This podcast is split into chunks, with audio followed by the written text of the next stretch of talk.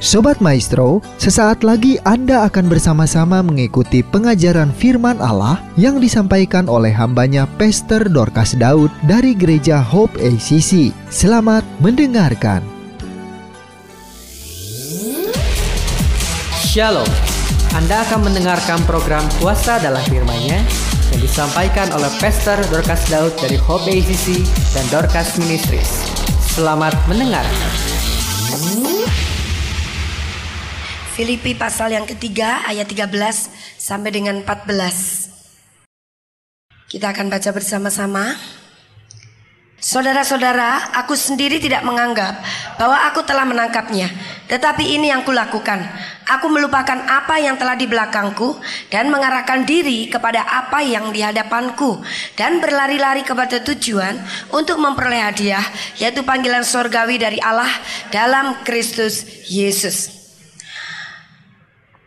tujuan daripada hidup.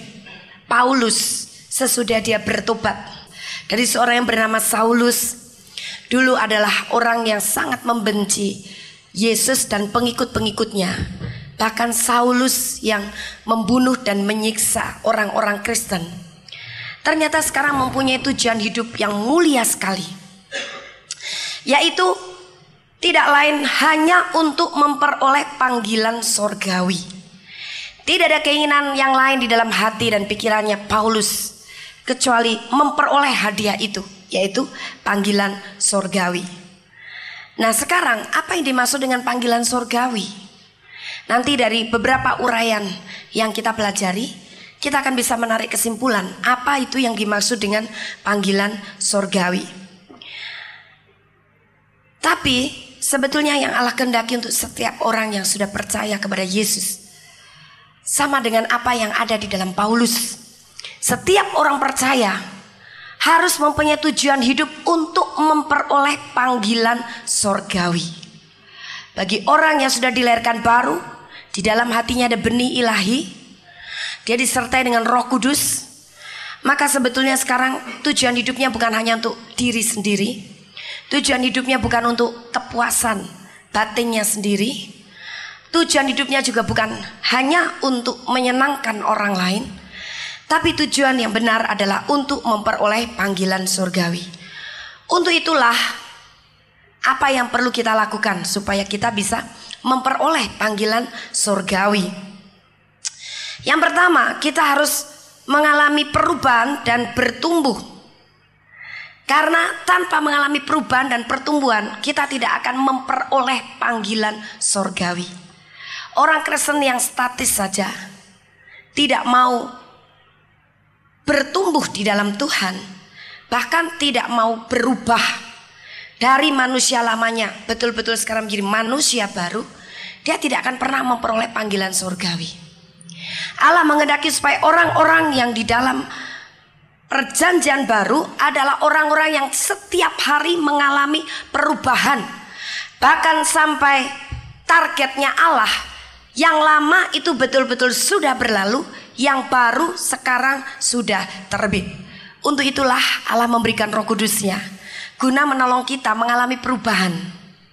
Kalau anda, engkau tidak mau dirubah oleh roh kudus, engkau sama dengan orang-orang di luar Kristus.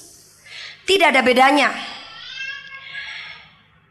Paulus sekalipun dia kelihatannya sudah begitu hebat. Bahkan pelayanannya sudah mengembang luar biasa. Tapi Paulus sendiri rasanya masih kurang. Dia tidak pernah merasa puas. Bukan tidak pernah merasa puas dalam arti dia berontak terus dan menuntut terus kepada Tuhan. Tapi rasanya dia masih terus, masih terus berubah dan bertumbuh sampai apa yang dia inginkan yaitu memperoleh panggilan sorgawi itu terjadi dalam hidupnya. Bahkan sampai Paulus menganggap seakan-akan dia belum memperoleh apa-apa seakan-akan dia belum menangkap apa-apa.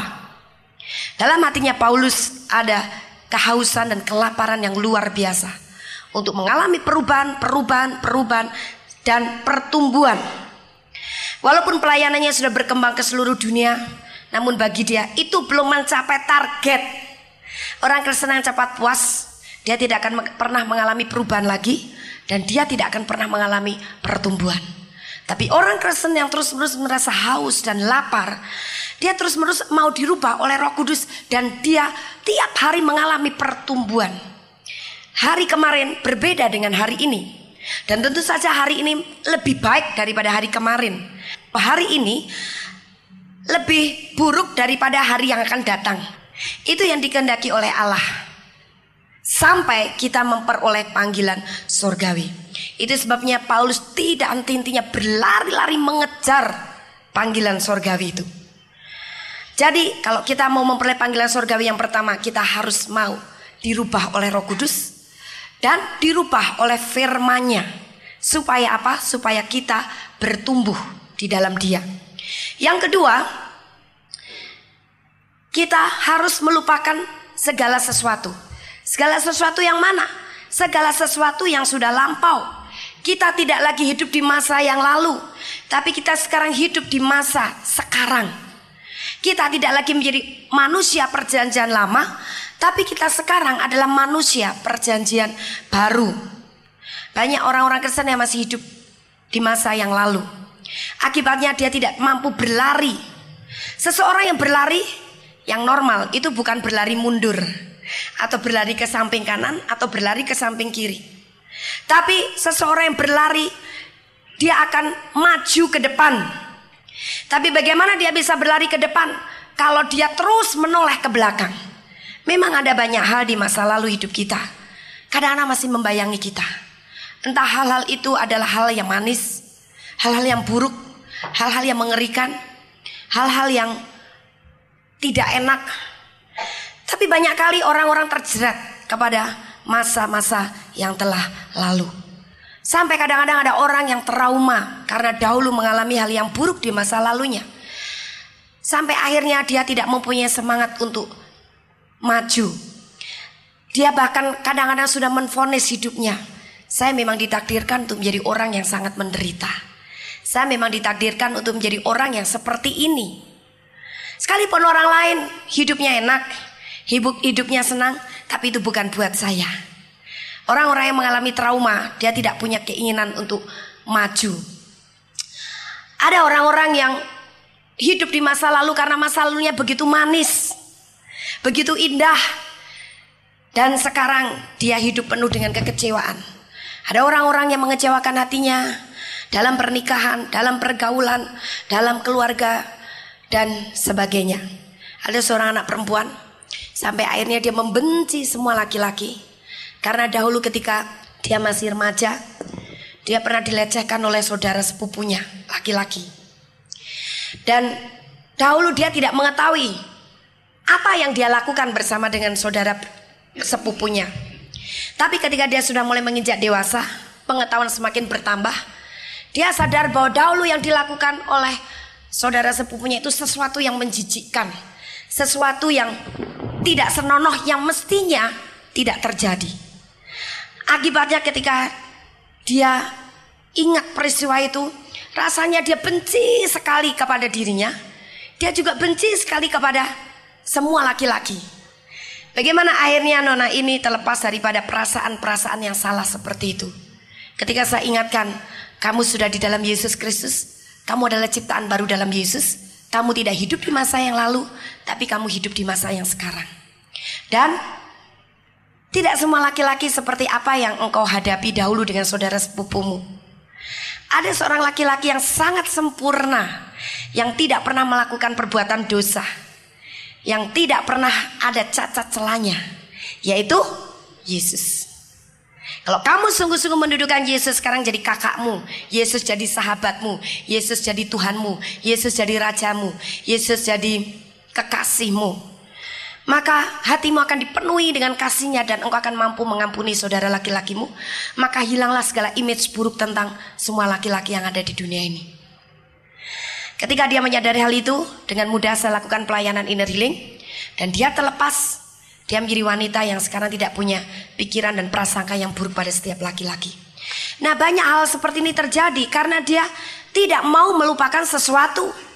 Allah memberikan contoh dari apa yang dia lakukan sendiri buat kita.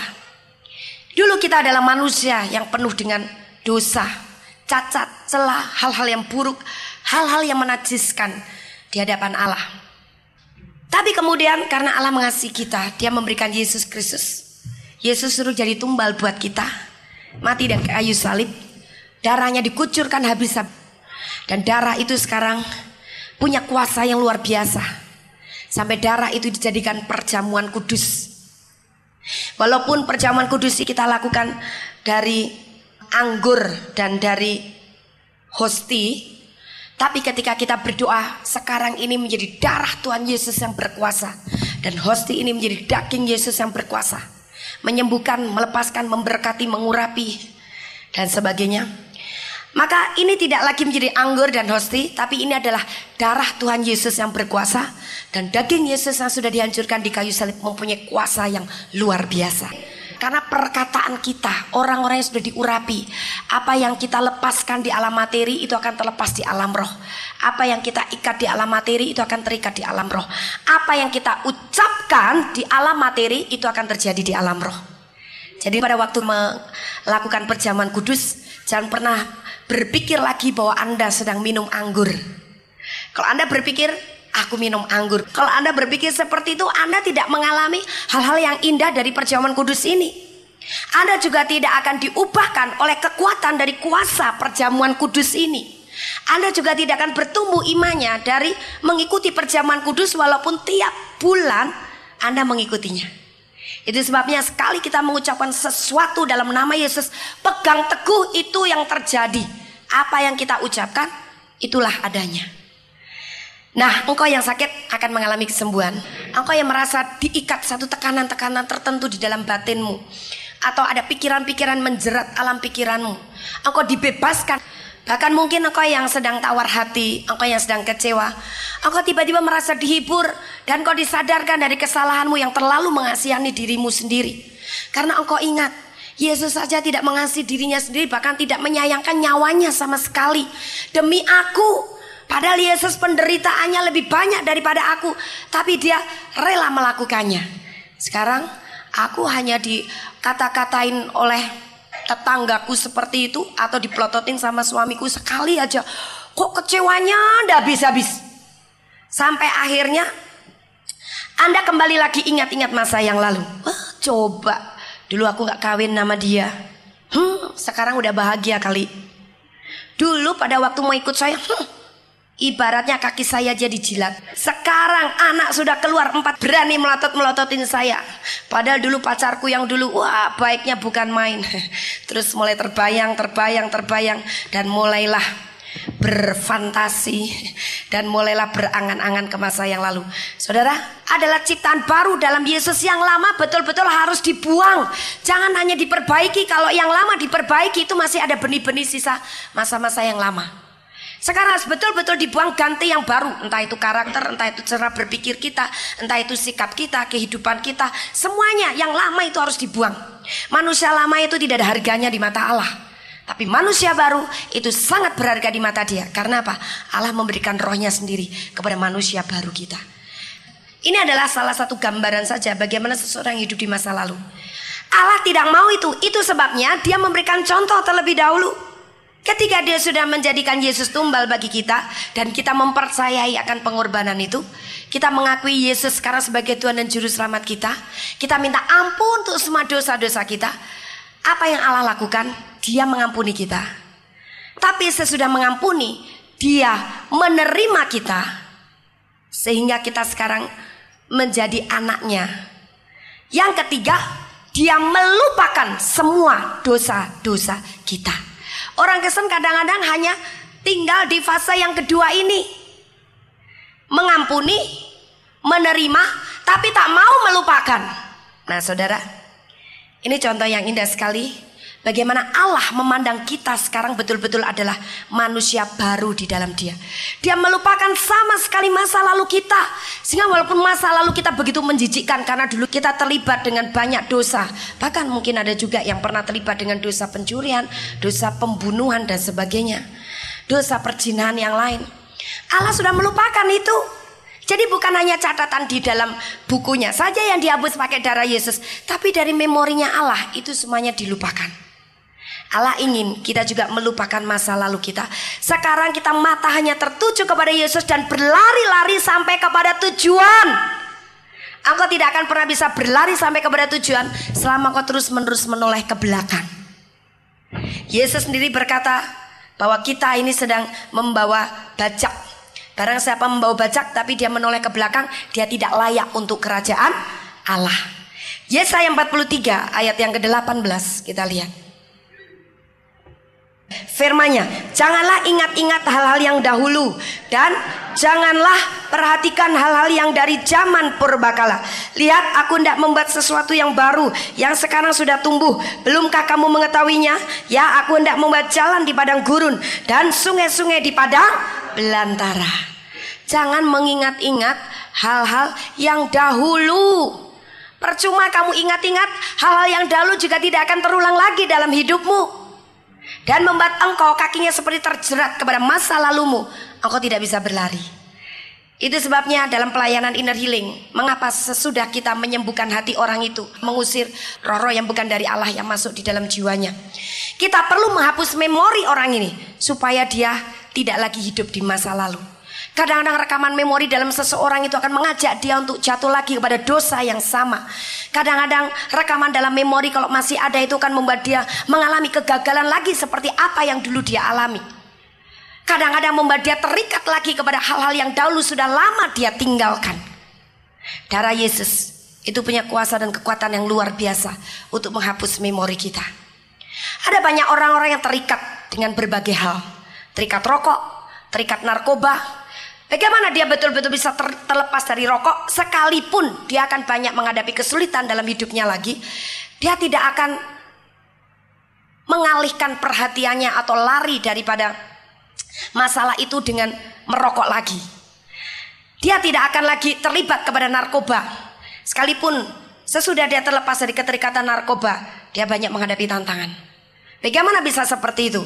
Orang ini harus dibersihkan memorinya dari rekaman-rekaman. Kenikmatan dahulu ketika dia merokok. Kenikmatan dahulu ketika dia terlibat dengan narkoba. Itu harus dibersihkan dari memorinya. Tanpa kita menghapus rekaman-rekaman dalam memori itu. Rekaman-rekaman itu masih sering mengajak orang itu menjeratkan diri kembali kepada masa lalunya. Entah masa lalu itu masa lalu yang manis, masa lalu yang pahit, masa lalu yang uh, menyedihkan, mengerikan. Semua harus ditinggalkan. Supaya apa? Supaya kita sekarang matanya melihat Allah itu sedang membuat sesuatu yang baru dan Allah sedang menumbuhkan kita. Allah sedang membuat jalan di padang gurun dan sungai-sungai di padang belantara. Allah sedang menjadikan kita hidup di dalam dunia yang baru. Dulu kita hidup seperti di padang belantara karena kita adalah orang-orang duniawi yang penuh dengan dosa, penuh dengan penderitaan dan hidup di bawah kutuk. Kita hidup dalam kekeringan, tapi Allah sekarang sedang membawa kita kepada satu dunia di mana di situ dialiri dengan sungai-sungai dan bukan lagi padang belantara, tapi tanah yang subur. Itu sebabnya jangan engkau terus-menerus untuk hidup di masa yang lalu dan menoleh ke belakang. Sebab semuanya itu ada di hadapanmu, dia bukan ada di belakangmu. Allah membuat jalan di hadapanmu, Allah mengalirkan sungai-sungainya di hadapanmu. Kita harus siap untuk meninggalkan cara-cara hidup manusia lama kita. Sekarang kita memasuki cara hidup manusia baru. Bagaimana cara hidup manusia baru? Semuanya sudah tertulis dalam Alkitab. Roh Kudus akan memimpin dan menolong kita supaya apa? Supaya kita bisa berjalan kepada cara-caranya Allah yang baru untuk kita jalani. 1 Korintus 13, kita lihat. Ayat 11 sampai dengan 12. Ketika aku kanak-kanak, aku berkata-kata seperti kanak-kanak. Aku merasa seperti kanak-kanak. Aku berpikir seperti kanak-kanak. Sekarang sesudah aku menjadi dewasa, aku meninggalkan sifat kanak-kanak itu. Karena sekarang kita melihat dalam cermin suatu gambaran yang samar-samar. Tetapi nanti kita akan melihat muka dengan muka. Sekarang aku hanya mengenal dengan tidak sempurna. Tetapi nanti aku akan mengenal dengan sempurna. Seperti aku sendiri dikenal. Paulus mengingatkan kita sekarang kita harus meninggalkan masa kanak-kanak kita.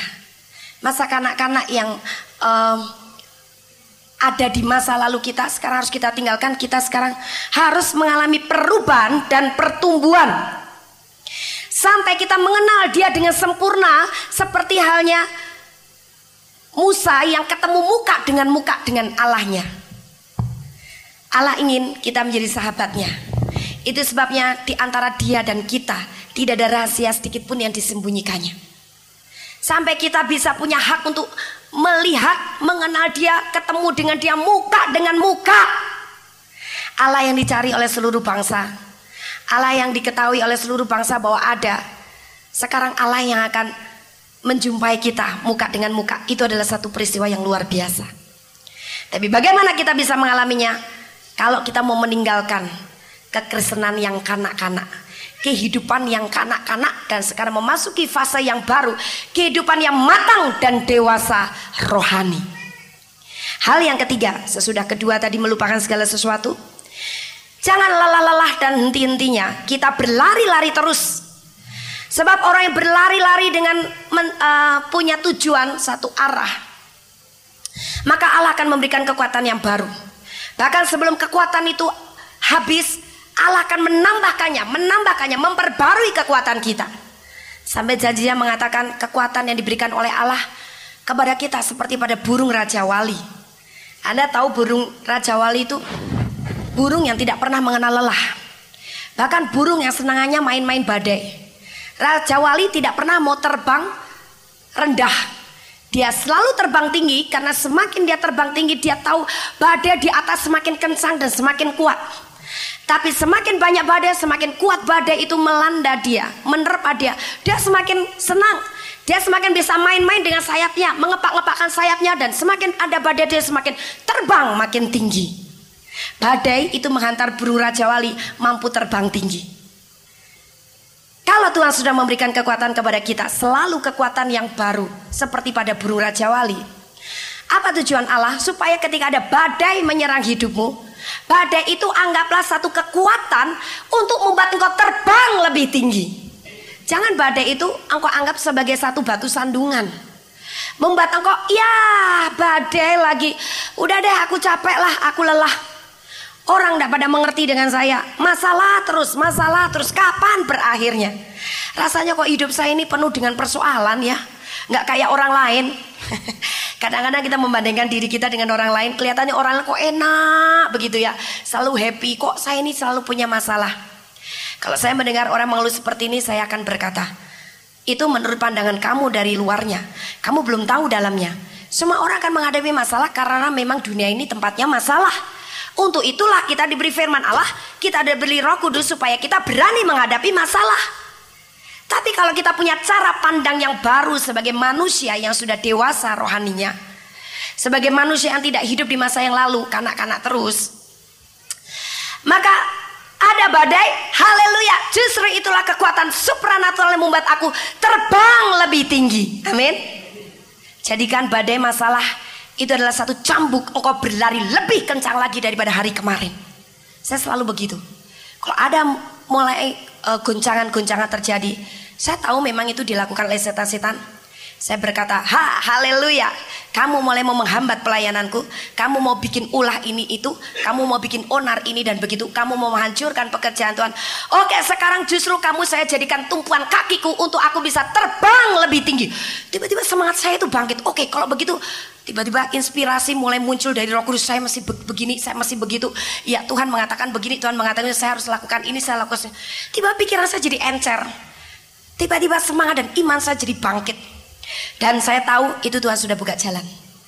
Akibatnya saya berada jauh lebih tinggi daripada badai dan masalah. Dan dengan segera badai masalah itu akan berhenti. Cara kita bisa menjadi pelari yang baik sampai kepada tujuan tidak berhenti di tengah jalan, tidak lelah di tengah jalan atau patah semangat di tengah jalan, bahkan mundur di tengah jalan adalah jadikan bahwa setiap halangan dan tekanan itu adalah kekuatan supranatural yang akan mengangkat engkau lebih tinggi. Jangan pernah engkau berpikir ada halangan dan tekanan itu membuat engkau terpuruk. Sekali engkau berpikir dan berkata, "Ya, saya ditekan lagi, udah deh cilaka gua." Udah deh mati gua. Kadang-kadang orang-orang itu hanya begitu latas saja. Cilaka 13. Enak aja ngomongnya cilaka, cilaka walaupun sambil tertawa. Tapi hati-hati apa yang kau ucapkan itu akan diklaim oleh si iblis engkau cilaka betul-betul. Tapi kalau engkau mulai mengubah cara pandang, cara berpikirmu dalam menghadapi halangan dan tekanan, perkataanmu juga berubah. Oh, haleluya, ada tekanan lagi, ini dia akan, akan membuat aku terbang lebih tinggi lagi. Semakin banyak tekanan, aku terbang semakin tinggi. Engkau tidak akan menjadi orang yang kemudian pemarah tiba-tiba. Engkau tidak akan menjadi orang yang kemudian kabur dari masalahmu. Engkau tidak akan menjadi orang Kristen yang pengecut. Engkau akan berani menghadapi masalah dan lihat ketika engkau berani menghadapinya, justru di situ setan gemetar takut dan lari daripada Anda. Nah, caranya kita harus punya cara pandang yang baru sebagai manusia yang ciptaan baru di dalam Tuhan. Halangan dan tekanan itu bukan satu problem yang akan menghancurkan hidupmu. Tapi justru itu bisa kita manfaatkan untuk kita menjadi lebih tinggi lagi. Bilangan 13 ayat 30 ada satu contoh yang indah sekali. Di mana pada waktu itu Allah memerintah kepada Musa untuk mengirimkan pengintai-pengintai guna mengintai tanah Hebron. Bilangan pasal yang ke 13. 12 pengintai. Nah, dari 12 pengintai ini ada seorang yang bernama Kaleb. Kaleb dan Yosua ini memang jiwanya lain. Mereka memberi laporan kepada Musa hal-hal yang baik dan positif, berbeda dengan para pengintai yang lain. Para pengintai yang lain mereka memberikan laporan negatif, bahkan ditambah-tambahin lagi. Namanya gosip, satu meter bisa jadi dua meter. Rasanya kalau tidak ditambahin itu kurang sip, makin digosok makin sip. Nah ini pengintai-pengintai yang lain juga begitu. Ketika mereka mulai mengintai tanah itu, mereka lihat ada raksasa-raksasa suku enak, manusia raksasa, mungkin seperti Goliat. Langsung mereka ketakutan, padahal yang ketakutan mereka sendiri sebetulnya. Wah, manusia-manusia raksasa. Mereka sudah membayangkan kalau manusia raksasa pasti kekuatannya juga raksasa. Kekuatannya sangat besar. Apa yang mereka katakan kepada bangsa Israel? Wah percuma dah kita tidak bisa akan menguasai tanah itu, menduduki tanah itu. Karena yang tinggal di sana manusia-manusia raksasa, tukang makan manusia lagi. Padahal suku enak ini tidak makan manusia, tapi ditambahi sama pengintai yang lain. Mereka tukang makan manusia lagi. Nah akibatnya itu menawarkan hati bangsa Israel. Ya kalau begitu udah dah hilang pengharapan kita untuk menduduki tempat itu. Percumalah kita tidak perlu lagi berharap, kita tidak perlu lagi berangan-angan menduduki tempat itu. Tapi tidak demikian dengan Kaleb. Apa yang dikatakan Kaleb kebalikannya daripada apa yang dikatakan oleh pengintai yang lain. Tidak, kita pasti akan dapat mengalahkannya. Dalam ayat yang ke-30. Nah, Kaleb perkataannya lain. Sekalipun ketika Kaleb sudah mengatakan hal seperti itu, dia ditekan, dia diserang oleh bangsa Israel. Mereka berusaha untuk melempari Kaleb dengan batu. Itu pasal 14 ayat yang ke-10. Dari mulai ayat yang ke-7. Negeri yang kami lalui untuk diintai itu adalah luar biasa baiknya.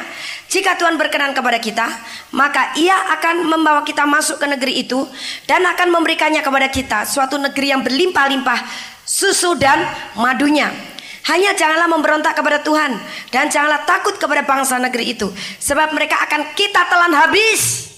Kalau orang Israel pengintai yang lain tadi bilang kita yang akan ditelan habis oleh suku enak, tapi Kaleb bilang kita yang akan menelan mereka habis. Yang melindungi mereka sudah meninggalkan mereka. Jangan Tuhan menyertai kita. Janganlah takut kepada mereka. Lalu segenap umat itu mengancam hendak melontari kedua orang itu dengan batu. Tetapi tampaklah kemuliaan Tuhan di kemah pertemuan kepada semua orang Israel. Kaleb ditekan, ditantang, diserang, akan dilempari batu oleh orang Israel. Mereka marah besar. Rupanya mereka sudah terobsesi dengan laporan pengintai-pengintai yang lain. Mereka lebih percaya kepada perkataan yang negatif itu. Tapi Kaleb tetap tenang. Dia tidak takut, dia tidak gentar, dia tidak mencabut perkataannya dan meminta maaf kepada bangsa Israel. Karena dia begitu percaya akan janji Allah bahwa Allah akan memberikan tanah yang begitu baik, berlimpah dengan susu madunya. Sekali Tuhan berjanji, Tuhan tidak pernah menarik kembali janjinya. Itu Kaleb percaya betul. Itu sebabnya dia tidak terpengaruh oleh tekanan dan halangan itu. Ketika Kaleb tetap imannya kepada Tuhan dan pegang janjinya, apa yang terjadi? Allah membela Kaleb. Tiba-tiba kemuliaan Allah hadir di kemah pertemuan dan semua orang Israel melihat. Saya percaya ketika mereka melihat kemuliaan Allah hadir dalam kemah pertemuan mereka, bangsa Israel gentar dan mereka sadar bahwa Kaleb itu disertai dan dibela oleh Allah. Jadi saudara, kalau kita sekarang menghadapi halangan dan tekanan, kita jangan pernah berhenti berlari terus sampai kepada tujuan. Ketahuilah bahwa setiap halangan dan tekanan itu kalau kita tetap berpegang dan percaya kepada janji firman Allah, percaya kepada Tuhan Yesus, maka Allah akan berdiri di pihak kita menjadi pembela kita. Jangan pernah termakan dengan perkara-perkara yang dilakukan oleh setan dan iblis yang kita lihat dengan mata dan kita dengar dengan telinga jasmani. Tapi percaya kepada janji firman Allah Janji firman Allah itu tidak pernah bertambah, tidak pernah berkurang. Sekali dia berjanji seperti itu, tetap janjinya adalah seperti itu. Karena janji firman Allah itu tidak akan pernah digagalkan sendiri oleh Allah. Allah kita adalah Allah yang sangat konsekuen. Sekali dia berfirman, dia tidak pernah melupakannya dan dia selalu menggenapinya. Nah sekarang tinggal yang kau percayai siapa? Halangan tantangan yang dikerjakan oleh setankah? Melalui orang-orang yang mungkin orang-orang itu ada di dekat kita. Orang-orang itu ada di sekitar kita ataukah Tuhan dengan firman-Nya? Kalau engkau tetap mempercayai Tuhan dan firman-Nya, engkau tetap tidak berubah dengan visi berlari-lari sampai kepada tujuan. Dan di depan sanalah sampai engkau mencapai garis finish, baru engkau memperoleh panggilan surgawi itu. Ini adalah merupakan satu hal yang bisa menyemangatkan iman kita. Supaya kita tidak gampang menjadi orang Kristen yang lelah. Orang Kristen yang mudah patah semangat, orang Kristen yang mudah putus asa. Jadi sekarang apa yang dimaksud dengan panggilan sorgawi tadi? Syarat untuk kita memperolehnya ada empat. Yang pertama kita harus berubah dan bertumbuh. Yang kedua kita harus melupakan segala sesuatu sehingga kita betul-betul menjadi manusia ciptaan baru dalam Kristus. Yang ketiga kita harus berlari-lari terus sampai kepada tujuan mengabaikan segala halangan dan tantangan. Kemudian yang keempat, kita perlu bersekutu dengan penderitaannya. Apa yang dimaksud dengan bersekutu dengan penderitaannya? Apakah kalau kita bersekutu dengan penderitaannya itu berarti kita kalau sakit sampai mati kita berarti sudah bersekutu dengan penderitaannya? Bukan. Bersekutu dengan penderitaannya bukan masalah kita diserang oleh sakit penyakit sampai mati. Juga bukan kekurangan uang untuk bayar rekening air, rekening telepon dan bayar sekolah anak-anak. Hidup dalam kemiskinan bukan. Itu bukan penderitaan atau bukan persekutuan dalam penderitaannya. Tapi itu adalah akibat dosa. Akibat kita membuka celah setan memberikan kemiskinan kepada kita. Mencuri berkat kita. Karena kita mungkin ada hal-hal yang tidak taat. Kita tidak taat perpuluhan, kita tidak gemar menabur bagi pekerjaan Tuhan, itu membuat berkat Anda juga menjadi terhalang. Banyak orang kesannya mengklaim berkatnya, berkatnya, berkatnya, tapi dia tidak mau melakukan kuncinya. Jangan untuk kita bisa mengambil berkat itu kita harus buka dulu pakai kunci.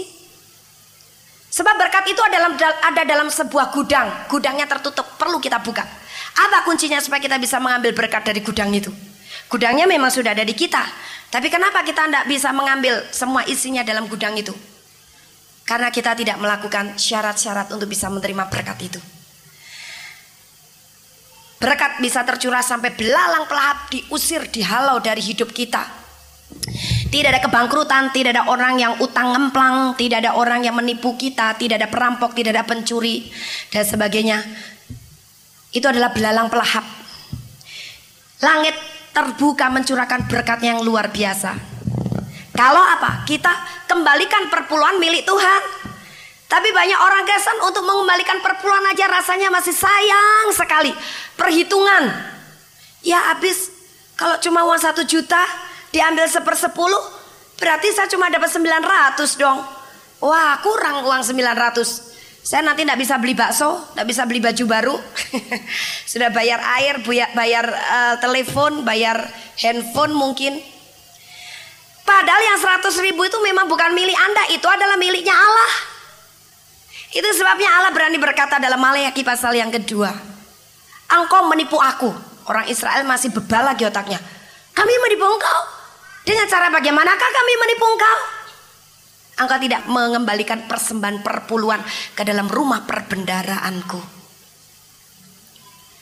Kalau engkau mengembalikannya, lihat, ujilah aku. Aku akan membuka tingkap-tingkap langit berkat, mencurahkan berkat atas engkau, dan mengusir belalang pelahap. Jadi gampang, siapa mau diberkati, banyak nabur. Siapa mau diberi, berilah. Aduh nanti dah bu, kalau gaji saya sudah gede, saya sekarang baru aja dapat kerjaan kok. Belum seberapa gaji saya. Oke, ini perkara nabur, tapi perkara perpuluhan itu adalah hal yang wajib karena itu bukan milikmu. Kalau engkau tidak mengembalikan perpuluhan, berarti engkau mencuri milik Tuhan. Nah, seorang pencuri itu patut dapat hukumannya. Tidak heran kalau langit ber, langit berkat tidak terbuka. Belalang pelah begitu banyak uh, memakan hasil panen kita. Kita tidak bisa menikmati berkat juga. Sakit penyakit terus menerus dan intinya. Akibatnya duit akan kececeran di mana-mana.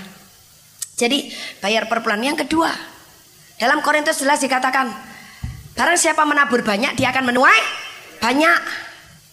Barang siapa menabur sedikit, dia akan menuai sedikit. Itu sebabnya jangan enggan-enggan untuk mulai menabur, menabur, menabur apa saja. Nah, jadi kalau Anda mau menuai, taburlah. Tergantung Anda mau menuai banyak atau sedikit. Kalau mau menuai sedikit ya tabur aja sedikit. Tapi kalau saya mau menuai banyak, saya harus menabur lebih banyak. Amsal juga mengatakan ada orang yang menghemat begitu luar biasa tapi bertambah miskin. Ada orang yang gemar menyebar harta tapi bertambah kaya. Lo kok bisa begitu? Itu hukum tabur tuai. Dan memang hukum dunia tentang tabur tuai juga berlaku bagi hukum kerajaan Allah, hukum roh. Barang siapa menabur banyak, dia akan menuai banyak. Saya percaya kalau Anda-Anda di sini melakukan hal ini dengan baik. Oh, semua nanti jadi kaya raya dan makin hari makin bertambah kaya. Sampai engkau menjadi sangat kaya raya. Kita ingat kisahnya Ishak. Dikatakan di dalam Alkitab, dan orang itu makin hari makin bertambah kaya dan orang itu menjadi sangat kaya raya. Nah, mengapa Ishak menjadi orang yang kaya raya, sangat. Sangat itu udah di atas ter. Paling kaya, kenapa? Karena dia gemar menabur. Bahkan ketika musim kelaparan dia menabur, dia menabur, dia menabur, menabur. Dan akhirnya dia menjadi orang yang sangat kaya raya. Tapi aku ndak ada untuk ditabur, nggak percaya. Mungkin hanya 500 perak, mungkin hanya 100 perak. Tabur dari apa yang kau miliki. Itu berharga di mata Tuhan. Anda lihat ketika Yesus memperhatikan dua orang yang memberikan persembahan, orang kaya, orang Farisi, dan janda miskin. Orang kaya itu wah memasukkan duit banyak sekali karena pamer. Nih, aku tidak seperti mereka loh. Aku ini orang yang bermurah hati, wah nih ngeluar masukkan persembahan juga gede. Ya miskin dia datang dengan tulus hati masukkan. Tapi Yesus berkata, persembahan yang dari janda miskin itu yang berkenan di hadapan Tuhan karena apa? Janda miskin ini memberi seluruh apa yang dimilikinya. Tapi bagi orang Farisi yang kaya raya itu walaupun dia masukkan beberapa dinar, dia kehilangan uh, beberapa dinar tidak berpengaruh kepada hartanya yang begitu banyak. Mestinya seluruh hartanya. Nah jadi saudara perkara menabur jangan melihat ukuran uangmu baru segini baru segini. Tabur saja dengan iman. Bapak itu memberimu dengan tanpa batas. Karena dia kaya raya, kaya raya, kaya raya. Tapi bagaimana kita bisa mengambil dan menikmati kekayaan yang menjadi hak waris kita? Tabur, tabur, tabur, tabur. Jadi tidak heran kalau firman Allah bilang, berikanlah dengan sukacita, jangan dengan sedih hati. Oh, udah terpaksa habis dikotbahin Bu Daud. Padahal kunci diberkati adalah tabur, tabur, dan tabur. Siapa sih mau menuai kalau tidak menabur? Siapa bisa menuai kalau tidak ada benih yang ditabur? Iman nabur itu bukan main. Suatu kali dalam satu pelayanan kebaktian. Tas saya taruh di kursi. Altar call. Yang masuk dalam gereja itu gereja mana saja kan macam-macam. Saya memang hari itu bawa uang 200 ribu, rupiahnya entah berapa. Saya tidak, ketika saat persembahan saya mau memberikan persembahan, loh tas saya ada di mana? Oh udah terlempar jauh ke belakang. Ya enggak jauh sekali lah di tengah-tengah. Terlempar di belakang. Oh kok di sana? Alkitab saya masih di sini. Tapi tas saya udah kelempar ke sana. Saya udah tak, ini dompetnya duitnya masih ada enggak? Tak ambil betul kosong. Oke Tuhan, Aku tidak bilang uangku hilang 200 ribu ber, lebih berapa rupiah saya rupiahnya nggak saya hitung. Tuhan saya minta supaya kau menuntut orang itu, mengadili orang itu. saya tidak begitu dan saya tidak geram. Walaupun tetap dia salah dan Tuhan pasti akan menjatuhkan pengadilannya. Tapi saya bilang Tuhan saya menabur 200 ribu lebih. Saya dapat tuayan 20 juta dalam nama Yesus. Apa yang terjadi? Nggak sampai tiga hari. Saya dapat 20 juta. Nah, ternyata saya bisa menuai. Itu sebabnya saudara, apa yang kita tabur, itu akan kita tuai. Berapa besar kita tabur, itu menentukan juga tuayan kita. Jadi sekarang, bersekutu dengan penderitaannya itu bukan karena masalah kemiskinan, kegagalan, atau satu minggu Anda tidak bisa makan. Tapi bersekutu dengan penderitaannya adalah 1 Petrus 4 ayat 1 sampai dengan 2. Kita baca sama-sama. Jadi karena Kristus telah menderita penderitaan badani, kamu pun harus juga mempersenjatai dirimu dengan pikiran yang demikian. Karena barang siapa telah menderita penderitaan badani, ia telah berhenti berbuat dosa. Supaya waktu yang sisa jangan kamu pergunakan menurut keinginan manusia, tetapi menurut kehendak Allah. Jadi artinya bersekutu dengan penderitaannya itu adalah memiliki karakter Kristus di mana karakter Kristus hanya mengikuti dan melakukan kehendak Allah, bukan kehendaknya sendiri. Itu sebabnya walaupun dalam rangka dia seturut dengan kehendak Allah dia harus menghadapi banyak tantangan, banyak halangan, banyak deraan, banyak siksaan, bahkan menghadapi musuh-musuh dalam selimut termasuk. Yudas itu kan musuh dalam selimut. Diasuh, dibina, diajak makan bareng, didoain. Eh akhirnya dia juga yang menjual Yesus mengkhianati Yesus. Tapi Yesus tetap taat melakukannya. Sampai pada klimaksnya dia harus mati di kayu salib. Dia tetap melakukan ketaatan itu. Dia sama sekali mengosongkan dirinya. Mengambil rupa sebagai seorang hamba. Sehingga dia memiliki karakter bapaknya. Dan dia lulus bersekutu dengan bapaknya. Melalui penderitaannya. Jadi bersekutu dengan penderitaannya supaya karakter Kristus kita itu muncul karakter Kristus di dalam kita itu mulai bermanifestasi. Karakter Kristus itu tidak beda jauh dengan buah roh.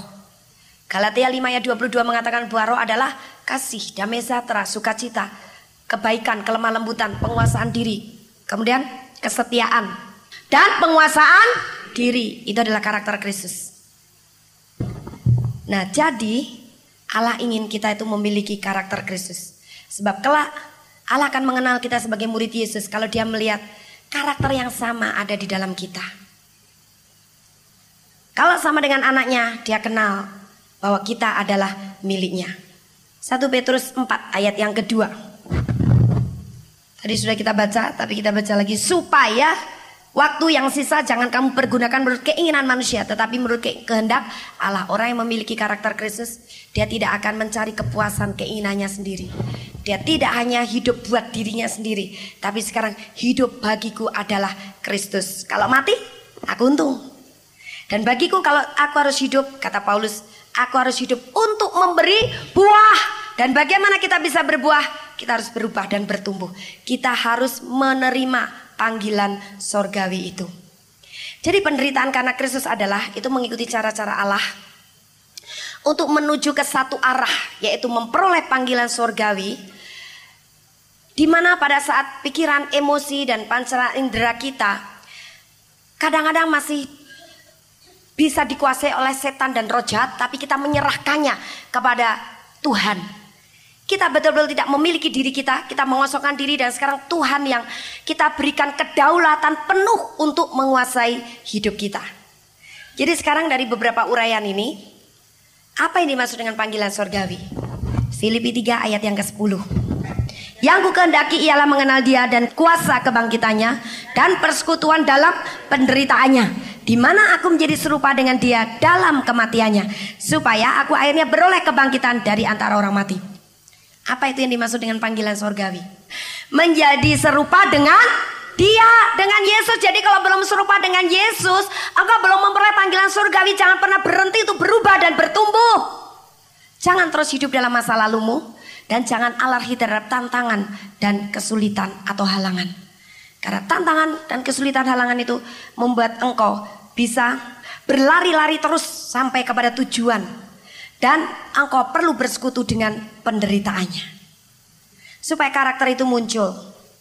Allah ingin kita menjadi serupa dengan Yesus. Hal yang menghambat kita belum serupa dengan Yesus. Kita perlu tendang keluar. Dalam Wahyu 12 ayat 11. Dan mereka mengalahkan dia oleh darah anak domba dan oleh perkataan kesaksian mereka. Karena mereka tidak mengasihi nyawa mereka sampai ke dalam maut. Siapa yang menang? Mereka-mereka yang oleh perkataan kesaksian mereka dan karena mereka telah mengalahkan musuh-musuhnya setan dan iblis dengan darah anak domba karena apa? Karena mereka tidak mengasihi nyawa mereka. Jadi kalau Anda mau menang, Anda jangan pernah mengasihi dirimu sendiri. Engkau harus percaya bahwa Yesus sudah membayar lunas hidupmu. Selama engkau masih merasa memiliki dirimu sendiri, engkau tidak pernah punya karakter Yesus, engkau tidak akan pernah seperti eh, serupa dengan dia. Karena emosinya masih bisa diganggu oleh keadaan. Emosimu masih bisa dikuasai oleh roro jahat. Pikiranmu masih bisa diselewengkan oleh setan-setan, oleh ide-ide dari dunia. Sehingga engkau tidak punya pikiran Kristus, engkau tidak punya perasaan Kristus. Engkau tidak memiliki hidupmu, hidupmu sendiri, itu sebabnya kalau dia sudah memiliki hidupmu, dia yang memiliki dirimu. Biarkan dia sekarang yang menyempurnakannya. Kita tinggal mentaati dan menurutinya saja. Matius 16 ayat 25. Karena barang siapa mau menyelamatkan nyawanya, ia akan kehilangan nyawanya. Tetapi barang siapa kehilangan nyawanya karena aku, ia akan memperolehnya.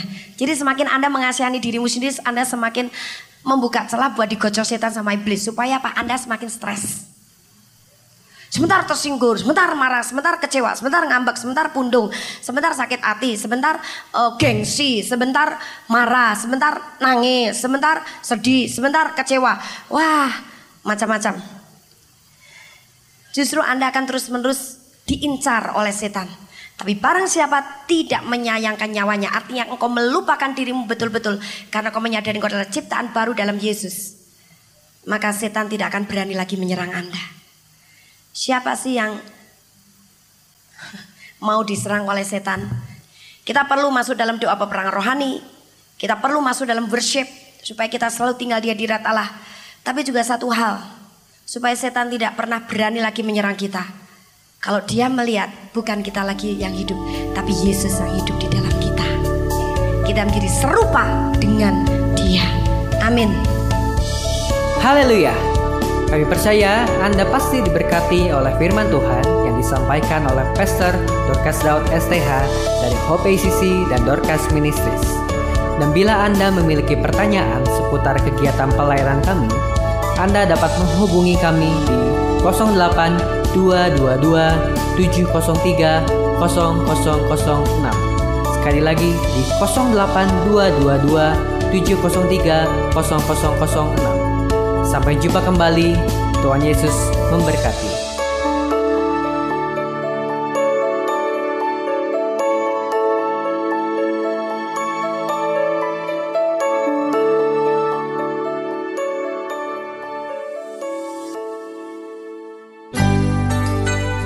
Demikianlah firman Tuhan yang berkuasa telah kita dengar bersama-sama.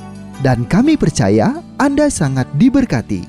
Bagi yang membutuhkan pertumbuhan iman dan pelayanan lebih lanjut, Anda dapat menghubungi kami dan beribadah bersama dengan kami setiap hari Minggu di Gereja Hope ACC di ACC Center Jalan Mekar Utama, nomor 31, lantai 3 Kompleks Mekarwangi, Bandung, pada jam 8.30. Ada kebaktian anak-anak pada jam yang sama. Ikuti juga Breakthrough Prayer setiap Jumat jam 18.30. Jika Anda membutuhkan dukungan doa, Anda dapat mengirimkan SMS ke nomor 0822 2703 0006.